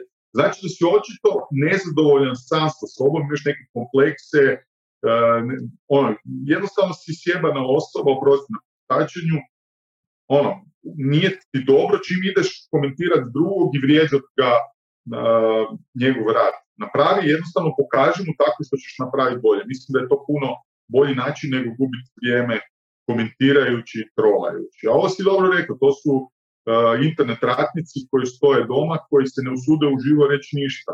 Meni dnevno priđe nekoliko ljudi uvijek, e, dok sam ili manje, evo sam bio u kafiću, u jednom trenutku dvoje ljudi mi je prišlo, jedan čovjek me sliko iz daleka, pa mi je poslao sliku na Instagram, pa ja otvorio, onak sam se uspio gledam šta se događa, ono malo prike, onda mi je drugi neki prišao, ali je to bio isti, nebitno, pa onda napravim tri koraka, ljudi mi trube, u 99,9% slučajeva, zapravo u 100% slučajeva isključivo pozitivna iskustva, ljudi se hoće slikat, ljudi hoće me upoznat, samo hoće mi reći par riječi, daju mi kritiku, daju mi pohvalu, sve uvijek ugodno i srdačno. Jedino ovaj, si daju oduška u komentarima. Da, da, i to je, znaš ono, ja, ja, ja kad sam počeo se bavim, nisam imao toliko sada ranije iskustva i da sam razmišljao o tome da će se to dešavati i pritom ono potpuno si u pravu. To je stvarno ono mizeran broj, to je tako mali broj ljudi. Ja ne znam, slagaću te sad, da li sam obrisao 50 komentara ukupno, evo sad će dve godine još malo kako radimo, gde su bukvalno ono prosto, prosto vređanje neko koje, koje je ono ne, nema potrebe tu da stoji, ali kada je neka kritika, ono, ne znam, previše puta si rekao ali ili previše wow, ono što sam ti rekao, tu se uvek zahvalim jer to meni meni značajno, znaš, ja ne mogu to da uhvatim. Ali kad sam prvi tako neke komentare ružne, i to uglavnom na, na ono što sam ti rekao, ja ne, ne pričam mnogo. Sad si me ti, kada si mi rekao da, da, ovaj, da, da se priča o podcastu, onda sam bio pozorno, ok, danas pričamo. Ovaj, e, ja, ja uglavnom naš, slušam, tako da uglavnom idu ti komentari na, ka mojim sagovornicima, što je ono. Znaš, ali ja sam, ja sam samo napravio onu sliku u glavi druže, da li odeš, ono kad si u, pored neke radnje i vidiš ružne patike, da li uđeš i kažeš baš su vam ružne ove patike, ili nastaviš dalje dok ne nađeš lepe patike. Znači pa kao... Pa normalno, pa to, je, to ti govori o njihovoj da, frustraciji, to je ko da prođeš pored izloga, točno to ti što kažeš, vidiš neke ružne tenisice, uđeš unutra i zašto imate te ružne tenisice, zašto nemate crvene, pa pa odi preko u Adidas, Nike, Puma, Asics ili šta god ti kupiš si kakve ti pašu. Ali kažem ti, svi ti ljudi iza svega toga se zapravo uh, po meni, barem moj to utisak, e, krije ljubomora i zavis. Ljudi koji vide u tebi nešto što bi oni možda htjeli, e, a, nemaju za to i hrabrosti, ni mogućnosti, ni znanja ili bolje ili bolje rad bilo čega druga. I onda je najlakše tebe iskritizirati, tebe izvrijeđati, umjesto da jednostavno probaš sam napraviti nešto bolje i drugačije. Dakle, slažem se, ovo je bila jako, jako dobra usporka. Prijatelj voli dalje kupi drugi cipele i to je to. A pa, bukvalno to, ali znaš što je isto dobra strana cijele ove priče sada, da ne bude ono kao sad samo kao napad ka tome, ali prosto mislim da čak e, neko možda sam slušao ovo, naši osjeća neku frustraciju za nešto, da je frustracija obično znak e, kao te, tebe kao čoveka najviše muči zapravo e, kada ne koristiš svoj potencijal, svoj talent, kada, kada nisi ono što, što znaš da bi mogao da budeš. I obično je ta frustracija u smislu uh, usmerena ka nekom. Aj sad, znaš, uzem primer tebe kao podcastera, kao ja ili nebitno, ajde, nekog glumca. I kao ja, kako on glumi, znaš, ja bih bolje odglumio. To je, to je ono jedan od najjačih znakova koje možeš da dobiješ da, da treba nešto da uradiš po tom pitanju, a ne da usmeravaš tu frustraciju koja se pretvara u bes, ljubomoru, agresiju, šta god, ka, ka nekom drugom. Znaš, nego kao prepoznaj poruku da prestaneš da se žališ, da izmišljaš gomilu stvari. Evo, ti si sad ispričao neke stvari koje ja nisam znao kako je nastajao podcast Inkubator. Ja kad sam se uključio u projekat podcast Inkubator da pratim, ja, ja sam samo video ono sjajnu scenu, dobru energiju i tako dalje. Tu postojalo gomila stvari iza koja se ne vidi znaš, koje ljudi nisu svesni. I onda ih to odbije i onda mi je lako mi da, da zamrzim nešto, znaš. Kao čekaj da razumeš tu priču i da, znaš, onda ti bude lakše. I, i, i možda ti bude pokretač. Ne znam da li, da li si me, da li si me razumeš. Jesam, apsolutno. I uvijek je lakše kritizirati nego biti konstruktivan. Mislim, to je općenito u životu. Znaš, najlakše je naći neče, ne, Da si konstruktivan i da ti probaš napraviti nešto bolje. Rekli smo da nećemo u politici, ali mislim da kad govorimo o o, o nekim uzorima u, i mladima i općenito uzorima u društvu i političari i ljudi sa javne scene moraju biti neka zvijezda vodilja i neki putokaz e, ljudima kako međusobno verbalno općiti, znači kako razgovarati, a oni su, nema gore e, uzora nego, recimo ne znam kako je kod vas interno u politici, ali Kod nas političari se u saboru skoro se tuku, pa se vrijeđaju na dnevnoj razini. To je razina razgovora ispod svake razine. Znači, to je presmiješno. A da ne govorim, recimo, na međunacionalno, kak se časte Plenković, no možda neće Plenković, Milanović, Vučić, pa Mislim, to je Onda ljudi to gledaju, onda si misle, čekaj malo, ako ovi premijer, ministar ili predsjednik tako mogu, pa zašto onda ja ne bi mogao? Mislim da nam je općenito u društvu nedostaje malo manira, nedostaje nam tolerancije, nedostaje nam kulture. Ja tu ne govorim, nemam ja u podcastu i prostačima, to je zato što se ja zaboravim i jednostavno sam takav kakav jesam. Naravno da neću kad mi dođe neki gost kojeg sam prvi put vidim u životu i ispred kojeg sam onako neko uplašen, neću naravno prostaći. Prostači kad mi dođe kambil neko kojeg poznam pa se zaboravim. Ali hoću ti reći da ne govorim o tom. Mislim da, da općenito razgovor i kultura razgovora moraju ići prema konstruktivnosti, prema uvažavanju, prema nuđenju rješenja, a ne samo joj, ovo je loše, ovo je katastrofa, gle klempo, gle ovo, gle ono. Znači, ono to nekad zna biti fakat frustrirajuće i onako malo, razočaravajuće. Ali kažem, takva ekipa je u manjini. Velika većina ljudi je konst, mislim, ono, gleda i sluša podcast zbog što voli, tako da nam to daje neki ovaj, motiv za dalje. Jeste, ali znaš što je isto dobra prednost je što ono kad, kad, kad si ti bio klinac, ti si uh, bukvalno imao si mnogo manju odgovornost šta gledaš, zapravo ono što šta tebi pruže, ti danas ono, ti sam biraš. I prosto mislim da je to ono jedna od, od, većih, od većih prednosti ovog vremena gde ti zapravo možeš da čuješ i neke ljude iz nekog drugog ugla. Znaš, jer čak ono, ja, ja sam imao dosta sagovornika koji su u, gosti u emisijama na, na, na tradicionalnim medijima. To je potpuno drugačija priča, njihov stav, njihove teme, uh, anegdote koje pričaju, nego ono da imaju sedam i po minuta e, da, da kažu ono, samo ono što su ih pitali, znaš, da nemaju slobodu da, da pričaju o, o ribolovu, me razumeš kao, nego prosto ono šta je njihova tema, izdeklamu i to je to. Tako da ovaj, ova vrsta medija je ono mislim da pravi, pravi mnogo, veliku, mnogo veliku razliku. I hoću da te vratim malo na podcast. Izvini, ti što kažeš. Ne, htio sam ti samo reći da su pravo potpuno, ali koliko god je uh, uloga takvih medija bitna i pozitivna, uh, pogotovo recimo kod nas su još čak medijske slobode otišle, čini mi se, malo ispred vaših uh, u, u Srbiji, ali uh, kod nas recimo nema više uh, državno ima. Nacionalna televizija je malo državno kontrolirana, mrvicu, ajmo reći, s obzirom da isto ljudi neki koji rade tamo, pošto u državnom vlasništvu, u tom ima to vijeće hrt se radi o televiziji, onda unutra sjede neki političari pa pokušavaju gurat neku uređivačku politiku ovisno o tome koja je stranka na vlast. Ali imamo hrpu komercijalnih medija poput Nove TV, RTL ili drugih medija koji su potpuno nezavisni, znači oni pričaju šta god hoće o političarima, ali recimo, pogotovo sjećam se kad sam u Srbiji bio na tom predavanju, onda je baš bila ta tema jer, jer oni su htjeli povećati baš kroz podcaste slobodu medija, onih medija koji nisu nikako utjecani od strane i politike i drugih nekih sfera ekonomskih, uh, socijalnih, političkih, društvenih, bilo kakvih drugih. Znači da, evo, ti jednostavno imaš svoju volju i hoćeš posirati sadržaj kakav dakle, hoćeš i da nitko na njega ne utječe. Mislim da je to bitno. S druge strane, to je i velika odgovornost, jer koliko god smo ja i ti protiv bilo kakvih restrikcija, ipak prije, ne mislim odgovornost na, na nama, ti ćeš biti odgovoran koliko misliš da treba biti odgovoran u svojoj emisiji, ja isto. Na samom konzumentu leži odgovornost toga šta će pročitati, konačnici procesuirati i odlučiti šta je dobro, a šta treba staviti sa strane baciti u škar. To je po meni ključno pitanje budućnosti medija.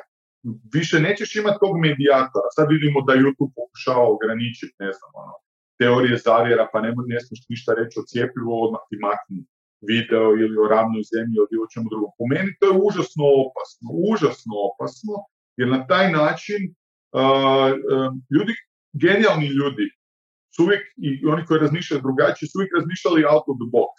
I takva razmišljanja će uvijek biti u sadašnjosti shvaćena e, krivo, pogrešno, ismijavana, prozivana, e, ne znam, jednostavno, kako bih rekao, ljudi će pokušati takva, jer ne razumiju tako razmišljanje, onda će pokušavati, pokušavati uvijek omalovažiti takvo razmišljanje, a YouTube ono najlakše, šta će YouTube ili Google ili Facebook, jednostavno kaže, ok, to je fake news, ajmo to maknuti jer većina uopće to ne razumije. zato ja mislim da je izuzetna bitna, izuzetno bitna apsolutna sloboda medija, znači da svatko se može plasirati što god hoće, a opet je onda na svakom konzumentu na njegova odgovornost da on odluči šta je od toga ispravno, šta je točno i šta je šta u biti on hoće saznat od toga. Ali za to treba i obrazovanje i dobri utjecaj i utjecaj roditelji Kažem, to je jedna jako, jako kompleksna tema i mediji će se lomiti, čini mi se, u budućnosti upravo oko toga. Ne znam da si mi shvatio, malo sam se zapetio, ali e, u buduće će na svakom od nas, čini mi se, biti ta odgovornost šta ćemo mi konzumirati, će biti toliko toga i tako ćemo se formirati. Da, da, pa to, je upravo ono e, kao ti danas kao kao klinac ili kao lik, šta god, kao čovek imaš odgovornost da izabereš šta ćeš da slušaš, šta ćeš da konzumiraš. Pre 20 godina jedan kanal, ja tako, meni to tata stalno kaže, mi smo gledali jedan kanal i to je bilo to. Znaš, prosto nisi, nisi imao mogućnost da izabereš odakle ćeš dobijati informacije, ali mislim da, ako sam te dobro razumeo, mislim da ljudi još uvek nisu svesni koliko odgovornosti imaju za ono što konzumiraju. Znaš, i prosto možda čak kao što nisu naučili da, je, da podcast nije klasična emisija da ćeš ti postaviti pitanje i to je to, nego možeš da kažeš svoje mišljenje, složiš se, ne složiš se, što je isto strava možda te odvede u nekom pravcu da možda promeniš svoje mišljenje ili da sagovornik pogleda iz druge perspektive, kako god, ali sa druge strane ti imaš i, tu odgovornost kako ćeš ti da, da onako, kako ćeš ti da shvatiš to. A mislim da su ljudi u fazonu, ja neću da razmišljam, hoću da mi kažu. E, znaš, e kao to vreme, polako, ti ljudi ono postaju poznatija navoda dinosaursi, mislim da treba da, da naučimo jedan nov način razmišljanja i obrađivanja informacija. Ajde, tako kažem, kad već možeš da filtriraš, kao ja nikad neću gledati neki sadržaj koji me ne zanima, zato što mogu da jednim klikom pustim sadržaj koji me zanima. Potpuno si upravo, slažem se, mislim da to čak bolje rekao nego ja, ja sam se malo zapetljao. Danas je odgovornost na svakom od nas, znači na nama da li ćemo mi nešto gledati ili nećemo i kad to pogledamo, da li ćemo iz toga izvući nešto korisno i misli da je to bilo istinito ili nije. Prije si imao urednika na televiziji, imao si urednika u novinama koji su filtrirali to i to nije dobro. Zato što je pitanje da li bi ja i ti kao autori uopće isplivali negdje, da li bi je neko odlučio da smo i ti dovoljno kvalitetni da bi bili autori bilo čemu. Ne govorimo sad o podcastu, možemo pisati članke ili snimati emisije ili bilo šta drugo. Znači, s jedne strane, to je jako dobro, nema tog medijatora, nema urednika, ali s druge strane, svatko od nas mora za sebe zaključiti čemu vjeruje, a čemu ne vjeruje. Ono što mene smeta je cenzura, kad mi netko tamo kaže, e, gledaj. Znači, ja naravno da ne vjerujem da je zemlja ravna, da se razumijemo, mislim da je ovo osma elipsoidna, ali ne bih išao tako daleko i brisao takav sadržaj s youtube nazivajući ga fake news. Ne zbog zravne zemlje, nego zbog hrpi drugih hrpu drugih stvari u povijesti koji su ljudi ismijavali i onda se kasnije pokazalo da su bile istinite ili bar djelomično istinite. Jer nemojmo se zavaravati. politika i ekonomske eh, te nekakve struje moći su ti koji nameću javno mijenje i odlučuju, odnosno žele odlučivati šta će ljudi misliti, šta je dobro za njih, šta je loše za njih. Znaš, da je po politici i po tim ekonomsko interesnim skupinama, mi bi svi bili onak zup i radili to što nam oni govore. I zato vidim tu opasnost. Opet s druge strane, znaš, na, meni kao mladom roditelju je sad izuzetno velika odgovornost i težak zadatak i zadaća svom djetetu prvo objasniti šta uopće da konzumira, onda da razmišlja svojim mozgom, da ne bude lako vjerno, da sve to isfiltrira i da u konačnici odabere ispravan put. To se može postići, čini mi se, samo kroz i dobar odgoj i dobru edukaciju. Unatoč tome što nam je na mobitelu sve danas um, dostupno i ti možeš googlati Uh, nije ti potrebno više štrebat na pamet na periodni sustav elemenata u kemiji, ali opet moraš imati sve te osnove da bi znao kritički razmišljati, konstruktivno razmišljati i po meni je edukacija i obrazovanje izuzetno bitno. Da, da, ima, jedna super rečenica da kaže čovjek može biti edukovan, ali ne znači da je obrazovan. Tako da, ovaj, potpunosti, potpunosti se slažem. Hoću da te vratim malo još na podcast na neke, na neke stvari koje me, koje me zanimaju. Postoji gomila, ali to ćemo ostaviti za neki drugi razgovor. Um, malo pre si spomenuo kako je potpuno drugačija energija kada radimo ovako. Ja se sad gledam na laptopu i kada si ovdje uživo, ovaj, tako da čim, čim budeš dolazio u Srbiju i bude bilo prostora e, ovde da dođeš da budeš naš gost. Ovaj, ja sam te pitam kako se pripremaš danas za podcast, za tvoje sagovornike, koja ti je, sad sam baš skrenuo na, na, na, na temu, ali me mnogo zanima, razlika između pripreme, ne znam, kad si snimao prvu epizodu i, i danas? Ono, kao, kako, koji je to proces? pa ja se ne pripremam za svoje emisije jer sam shvatio da je to najbolje. Znači, jer um, tajna uspjeha, čini mi se, mog, baš osnovno podcast podcast, je taj neki flow sa gostom, neposrednost i spontanost. Ljudi to vole nekako. Ja izgleda kao da se s tim ljudima već većinom poznam, koja smo zajedno rekli kod nas opci čuvali, da se oni ufuraju taj neki razgovor i u biti dožive gosta na drugačiji način nego što su ga gledali prije na televiziji, čitali novinama ili slično. Zato sam kad se previše pripremam, onda previše izgleda na intervju. Rađe krenem, u biti odredem si u glavi dvije ili tri teme koje su mi zanimljive. I uvijek smislim dok vozim auto prema podcastu, smislim kako ću otvoriti emisiju. Znači, s čim ću krenut, s čim ću piknut unutra. I onda je, čini mi se da je to tajna cijelog zanata. Znat kako čovjeka voziti s teme na temu, na one teme koje su ljudima zanimljivo, da, zanimljive, da se ono sjeća ugodno i da bude otvoren i da bude potpuno prirodan i iskren. Kad bi se išao pripremat malo detaljnije, onda bi izgubio tu spontan. Da se razumijemo, na početku su bili uglavnom ljudi, pošto nisam mogao e, dovesti goste najviših kalibra, ko što danas mogu, jer je emisija popularna, pa sada svi hoće doći odjednom, uh, onda mi je bilo čak i jednostavnije jer sam sve te goste skoro osobno znao. Još to bili moji prijatelji ili imam širok kruh poznanstva, pa ne znam. Ovo je uspješan u ovom, ok, mogu bi mi on biti za, uh, dobar sugovornik. Onda ne znam, ovo je uspješan u ovom, ajmo njega ću pozvati sljedeći dan. Tako da sam tu više manje znao već o svim tim ljudima. Danas, ako mi dolazi baš neko, evo sad neki dan mi je bio Renman, poznati neki reper koji je bio u Hrvatskoj prvi reper zapravo u Zagrebu, on se ipak mogo, morao izgooglat njegovo ime čisto da znam okvirno koji su to godine bilo da nešto ne bubne. I onda si napišao na papir čisto par tih nekih stvari da, da, da, da jednostavno nešto krivo ne kažem. Ali što se tiče same pripreme i razmišljanja o tome kako će razgovor teći, to ne radi, jer kad sam to radio bilo je puno gore nego kad to ne radi da, da, da, da, to je, to je neki, neki moj pristup. A kaži mi, da li imaš, e, da li odete na ne, znam, neki ručak? Znam da to Joe Rogan radi, pa me zato zanima. Da li se vidiš ranije ili ono uvijek. samo uvek? E, ja to nisam uvijek, sada radio. Uvijek, e, uvijek, pogotovo mi gosti dođu izvana, doduše sad ne, od kad je korona, jer ljudi izbjegavaju općenito i nemamo di. Ali prije toga uvijek. Imamo preko puta studija i veliki shopping centar, god kad mi dolaze ljudi iz nekih drugih gradova ili iz drugih zemalja, nađem se s njima, uh, sjednemo, mi našim gostima uvijek platimo putne troškovi hotel i hranu i sve, i sjednemo se s njima ili ručam ili popijem kao nekako, sad, to, sad je to nekako sve smanjeno zbog korone i zbog tog prisnog kontakta, tako da je neki pol sata prije sjedem s ljudima i popijem kavu, ono, čisto malo uđemo u neke teme da, da se i oni opustu, opuste ispred mene, ali e, da, obično kad je bila normalna situacija ručam s ljudima. Ono, pred sam podcast pa onda idemo snimamo.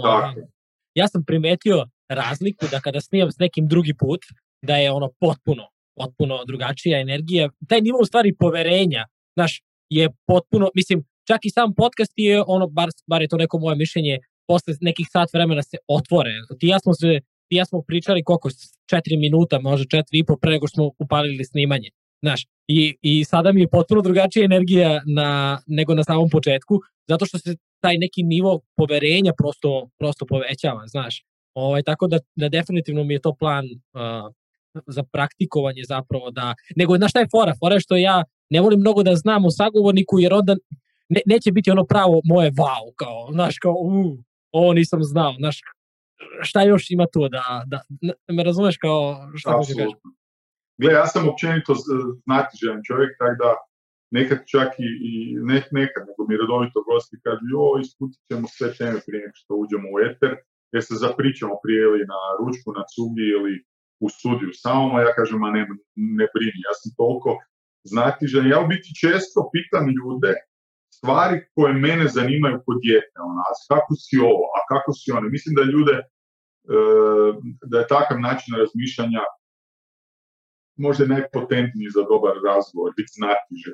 To, to, je ključno za podcastera. I biti spreman usvajati nova znanja i maknuti ego sa strane. Jer ako si podcaster s velikim egom koji ne može podnijeti da neko drugi tam bolje zna nešto od tebe, a ti si ga pozvao da ti nešto tumači, to onda neće biti dobro. mislim da, da, da, da ego tripetski podcasteri ne prolaze to. Da, mislim da to ne može za, za, za ovaj posao, mislim da je to ovaj, a kaži mi, uh, jesi ugostio sve koje si hteo ili postoji još neki neke ljude koje nisi, nisi doveo, koje, nisi, koje želiš da upoznaš, a nisi još uvijek? Uf, pa znaš šta, sad sam ugostio stvarno ogroman broj gosti. Mislim da sad imamo nekih šest epizode, prema čak prema 700 idemo sa jedan nogometnim podcastom, od toga je moj, recimo, neću reći 50%, ali 40%. Pa gle, nisam recimo u s tipu Miočića i UFC prvaka donedavno.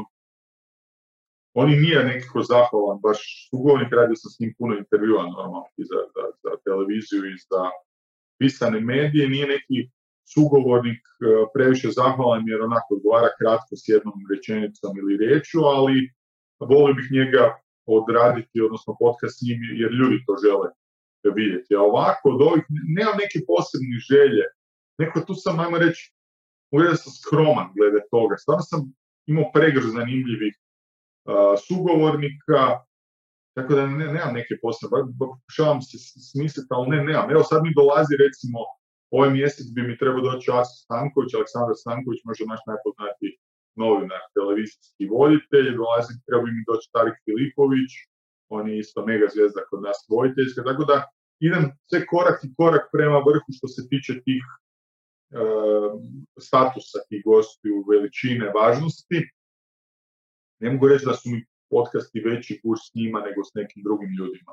Obično procjenjujem podcast koliko je uspješan, koliko sam ja uživo u smislu da sam nešto naučio, kako je išao taj razgovor, koliko je dugo trajao. Znaš, ako gledam prvi put na sat, nakon sat i pol znam da je dobar podcast.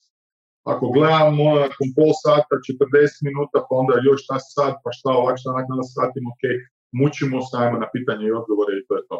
Tako da najdraže mi je e, kad neko dođe, ja sam to zatiženo djete onak skužim da dva i pol sata pričamo, a nismo ni na pola. Tako da to mi je najbolje.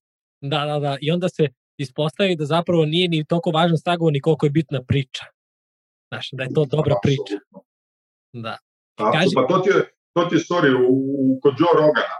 On pozove, ne znam, ovaj, Miley Cyrus i oni ona uopće ne pričao niti o glazbi, od ničemu. Znači, on ju pita, e, di si bila, šta si radila? Ma, ja sad sam tu bila, pa si bila u novom McDonald'su tamo. Da, jesam, ono, jela sam to, joj, ti imaš novi auto, nemam, kad ćeš... Znači, doslovce, većina razgovora kod Drogana je vezana za takve neke neobavezne teme. Uopće se ne bave meritom. Naravno, dolazi onaj Neil deGrasse, kak se zove onaj znanstvenik za Semir, onda on tumači sve te neke detalje, fiziku, planete, crne rupe i tu Rogan onak sam šuti, ovak gleda, sluša i postavlja pod pitanje ono minijaturno, ovaj lik priča. Tako da postoje razni tipovi i gostiju i kemija na setu, mislim da je tajna dobro podcastera uvijek uspjeti uspjeti izvući neki zanimljiv sadržaj za publiku. Da, da, da, sad si napravio bukvalno facu kao Joe Rogan, znači kad si ovo radio, bukvalno sam vidio njega, znaš. Da, on je tako. on je genijalan, genijalan. Kaži mi koji su ti planovi za podcast, eh, s obzirom da, si, da ste utabali taj, te, prve korake, ovaj, ozbiljne prve korake pre par godina. Šta, je, šta sada vidiš kao, kao potencijal? Malo pre si spomenuo isto i za YouTube da, da će morati ili menjati pravila ili će ono, izgubiti. Mislim, Joe Rogan kad je prešao na Spotify, to je potpuno ono game, changer bio, promena igre za, za celu priču. Šta, šta su neki, neki vaši planovi, tvoji planovi? Pa da, Spotify, e, koliko čujem i koliko sam čitao, upravo se želi etablirati kao svjetska ono pozornica najboljih podcast i podcastera. Samo što, koliko čujemo od ljudi, i Deezer i Spotify, ni oni ne plaćaju previše normalno E, podcaster, samo ove mega zvijezde, on je dobio mega ugovor. Mislim da krivo rade, mislim da će na taj način dugoročno popušiti jer će obeskrabiti velik broj kvalitetnih autora koje treba motivirati upravo tim da mogu od toga barem preživjeti ili bar pokriti troškove ako me kužiš. Jer ako ti, tebe ono guši, ako kod nas neki dan je bio gabudizator, kod mene čovjek koji se bavi fitnessom i ono, ima fitness kanal i, i youtuber je naravno, i ima i svoj online coaching i sve, i on ima 120-130 tisuća pretplatnika. I ja ga pitam koliko zaradiš mjesec 250 dolara. Ne znam koliko miliona tisuća pregleda ima. To je stvarno smiješno. I onda šta, taj čovjek naravno mora se početi okretati nečem drugom. I on je sad fokus već maknu s YouTube kanala, na Instagram, na nekakve online treninge i YouTube je tu pushing braca, ono, ide lagano prema dolje i takvih, koliko ja znam hrpu sjajnih autora koji su se obeshrabili nakon nekog vremena, jer nisu mogli podnijeti to, jednostavno da, da rade za nula ili za, za minus. Tako da mislim da bi YouTube trebalo shvatiti da mora smanjiti svoje pretenzije prema ogromnom tom kolaču koji grabi i bolje ga raspodijeliti. Jer nije na tebi, ok, mi smo se malo bolje organizirali, nas je više, sad ne se već deset firmi, pa imamo i dio za marketing, prodaju i sve. Ajmo reći da smo imali neka znanja od ranije, pogotovo i ja vezan za, za menadžment vođenje firme, pa nam je bilo lakše. Ali neki prosječni youtuber šta on zna o traženju sponzora? Na, njega će svaki drugi na sanjkat prevariti, nakon nekog vremena čovjek je shvatiti, ok, od youtube ne mogu dobiti love, sponzori me varaju ili nula bodova, pa idem ja raditi nešto treće ili peto. Mislim da tu YouTube u konačnici gubi, znaš. Tako da, evo, to je moje mišljenje. Jesi optimističan da će se to promeniti ili misliš da neće skapirati? Pa morat će, morat će. Aha. Na kraju dana, znaš, to je tržište. Pojavit će se neki novi YouTube, iako to nije tako jednostavno, ali prije ili kasnije hoće. Znaš, mi smo mislili da su neki brendovi nedodirljivi. Sjeti se Nokia kad govorimo o mobitelima. Mislim da danas uopće ne postoji. Danas su Xiaomi, Huawei, to su najveći mobiteli, ne znam koji na svijetu, Apple, naravno. Apple do ne znam koje godine uopće nije radio mobitele. Znači sve je moguće. Znaš, smijali smo se AliExpressu do prije par godina. Kao ma šta će AliExpress pored Amazona i eBay-a, pa vidiš sad ih je i Alibaba su ih prepišali po ukupnom broju prodanih itema, naravno Amazon zarađuje i dalje najviše, ali oni što se tiče količine stvarno šipaju bolestno, Tako da, mislim da će morati shvatiti da, da, ne mogu ovaj, baš uzeti svu lovu i da moraju bolje to raspodijeliti. Pa koliko bi ja ti sam odgovori, bilo bi ti jednostavnije da, da ti cijela financijska konstrukcija zatvorena samo od YouTube-a i da, onda i da još sponzora dva i živiš od toga i možeš kvalitetno se posvetiti tom poslu i dati sve od sebe, biti full sto posto a ne s jednom nogom tu, drugom raditi noćnu negdje ili još pisati za nešto ili ne znam, voziti trame ili bilo šta drugo. Što se tiče mojih planova, mislim da je mi previše ne gledamo nikad šta radi konkurencija. Kod nas se pojavilo možda stotinje podcasta u zadnjih godinu dana i to stvarno je pum ogroman. Uh, imaju velike firme, velike kompanije medijske, imaju gro sličnih projekata, odnosno podcast projekata, ali mi to ne gledamo ni ne pratimo jer nekako mislim ako smo uvijek bili ti game changeri, i lideri, ako budemo gledali natak šta drugi radi, opterećivat ćemo se s tim, to nije dobro. Tako da mi gledamo uvijek korak dva naprijed. Evo, osobno sad smo zaposlili, odnosno zapošljavamo čovjeka koji će raditi kratke vidije. Svaki put kad dođe gost, snimat će ulazak gosta, ta neku interakciju između mene, gosta, cijele režije, kako to izgleda behind the scenes. I zaposlili smo samo čovjeka za to koji će raditi uoči i nakon svakog podcasta imam taj video, on će biti šta desetak minuta možda duga će, koliko drži vodu ili manje. To nam je prvi plan. Drugo, od prvog petog pokrećem sa Hambijem, krećem u jedan mini podcast projekt, tri do četiri epizode mjesečno, gdje ćemo ja i Hambi, on živi u Frankfurtu, radi se inače o boksačkom MMA treneru i mom prijatelju koji je nekako oduševio ljude na kanalu, stvarno ga s prate i shvatili su da bi ga trebalo možda malo još više iskoristiti i izreklamirati, poprosti. Previše pričam, ja nikad nisam volko pričao. Uglavnom, to je dobar znak. S njim ću raditi jednu polusatnu emisiju gdje ćemo u biti analizirati e, neke nadolazeće uh, e, boksačke MMA evente. Izvlači se Hambi protiv Petraka, to je nešto što nam slijedi sad u prvo, od prvog To su kratko, trajni plan. Strava, strava. Želim ti puno sreće u tim novim projektima. Ovaj, kratko samo pa da, da polako zaokružim ovaj razgovor. E, šta je za tebe podcast i šta misliš da će biti? Šalim se, šalim se, šalim se, puštam te. Ovaj, e, želim ti se stvarno zahvalim e, prvo što si se odazvao i drugo na fantastičnom razgovoru. Ne znam da li si gledao na sat, ali smo... Nisam, nisam, ne znam koliko je. Ja sam malo pre pogledao na kameri, sat i po pričamo. Ovaj, to je, tako da je proletelo, nadam se da ti je bilo, da ti je bilo strava. Ovaj, I hvala ti stvarno puno e, za sve što radiš, za podcast zajednicu, za, e, za celu priču, za ovaj danas razgovor. Ja sam stvarno uživao, siguran sam da će ljudi koji, koji prate dobiti mnoštvo koristi, zato što je lepo čuti i tu neku drugu stranu koja se ne vidi, ne znaš. I, jer me, meni je bar to uh, budi mi još veću ambiciju i motivaciju i nekako mi govori e, pa ovo je, ovo je, ovo je stvarno moguće, znaš. Je moguće, kako nije moguće. i ti si primjer i mi smo primjer, mislim da Mislim, znaš kad kažu, čovjek kad se zainati i stisne, može stvarno napraviti sve i svašta.